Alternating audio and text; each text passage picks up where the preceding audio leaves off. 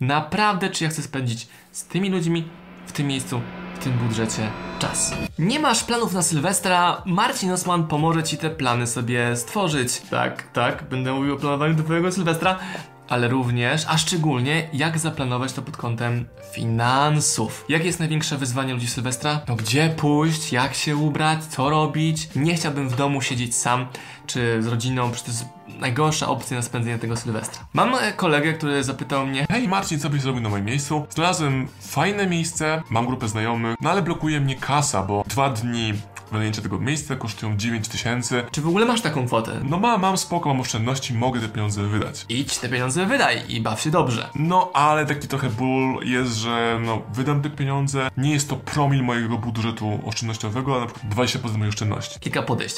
Jedno jest takie, no, bukujesz, płacisz, bawisz się, pod warunkiem, że nie masz wyrzutów sumienia, że te pieniądze wydałeś. Bo jak masz wyrzuty sumienia, to znaczy, że to nie był właściwy wydatek, czyli ta nagroda emocjonalna nie jest na tyle duża, żeby z tego e, skorzystać. Zadanie sobie prawdziwego pytania, takiego szczerego, tak naprawdę, naprawdę, naprawdę, naprawdę, naprawdę, czy ja chcę spędzić z tymi ludźmi w tym miejscu, w tym budżecie czas. Jeżeli jest tak, tak, tak, przelewasz kasę, bawisz się dobrze i pamiętasz, że robisz to dla siebie, więc nie ma przestrzeni na wyrzuty sumienia. Druga rzecz jest taka, że właściwe pytanie, czy ja naprawdę, naprawdę, naprawdę muszę i chcę w tym dniu sylwestrowym płacić za ponadprzeciętne stawki wynajmu tego domu czy obiektu do zabawy. Bo okazuje się, że 3 dni później ten sam obiekt kosztuje już nie 9 tysięcy, ale 4 tysiące, bo 3 dni po Sylwestrze już chyba jest w robocie, co nie? To mówisz, fuck it, wolę ten budżet wydać w innym okresie, żeby mieć dwa razy więcej jakości,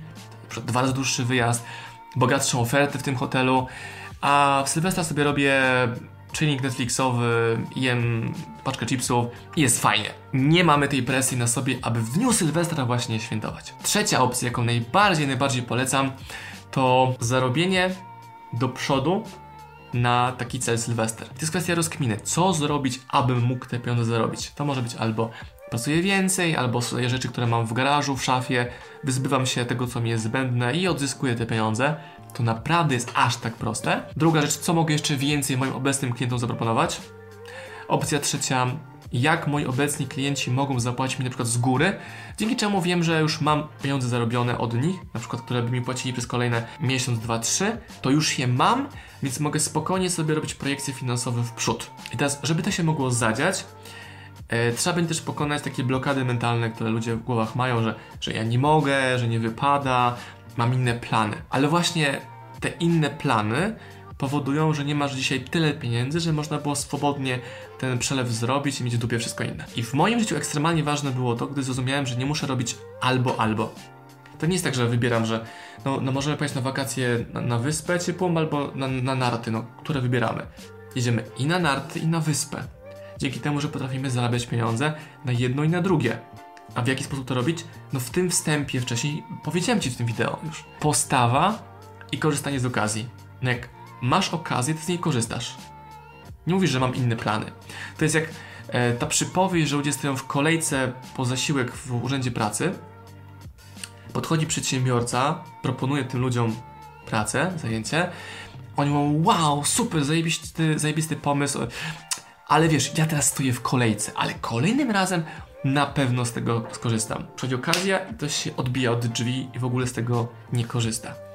I właśnie te mikro rzeczy powodują, że długoterminowo ludzie nie mają pieniędzy na rzeczy, które chcą mieć pieniądze. Ja mam dla Was rekomendacje na koniec książek, które ekstremalnie zmienią Wasze podejście do tego, jak zarządzać swoimi finansami. Jest to przede wszystkim książka Śmierć z zerem na koncie. Ta książka mówi o tym, w jaki sposób podejść do oceny wyda- wydatku pieniężnego. Ona Was zachęci do wydawania więcej pieniędzy na konsumpcję, doświadczenia, emocje, a również zniechęci do wydawania rzeczy, które ten ładunek emocjonalny mają zbyt niski. Ekstremalnie ważna książka w moim życiu. Dzięki niej wydaliśmy, wydaliśmy dużo pieniędzy. Miałem pieniądze, ale czaiłem się, żeby wydać, bałem się je wydać, ale wydałem na nieruchomość, na samochód. Jest mi z tym bardzo dobrze. Bardzo ważna książka. Bill Perkins, Śmierć na koncie. Dwie książki Dana Loka. Yy, Fuck You Money i Finansowa Pewność. Fuck You Money jest o tym, jak generować pieniądze, które powodują, że coś chcesz robić, to robisz. przelewasz pieniądze, jedziesz. Oraz finansowa pewność, czyli jak działać, żeby mieć pewność w zakresie tego, że będę potrafił zarobić pieniądze, gdy je wydam. Dajmy na to, masz dwie dychy oszczędności, idziesz na miesięczne wakacje i boisz się te pieniądze wydać, bo nie masz pewności, finansowej pewności, że po powrocie będziesz potrafił odrobić. Ta książka jest właśnie o tym. A jeśli chodzi o generowanie pieniędzy, to oczywiście Felix Denis Jak zdobyć bogactwo. Książka, która zarobiła nam najwięcej pieniędzy ever przez wdrożenie wiedzy z tej książki. Książka pokazuje to, jak zdobyć bogactwo, czyli jak mieć więcej pieniędzy niż masz teraz. Do tego Was zachęcam. Cóż mogę więcej zrobić? Macie już opowieść, macie lekcje, macie strategię i wiecie y, już, co będziecie robić y, w tego Sylwestra i kolejnego. Prawda?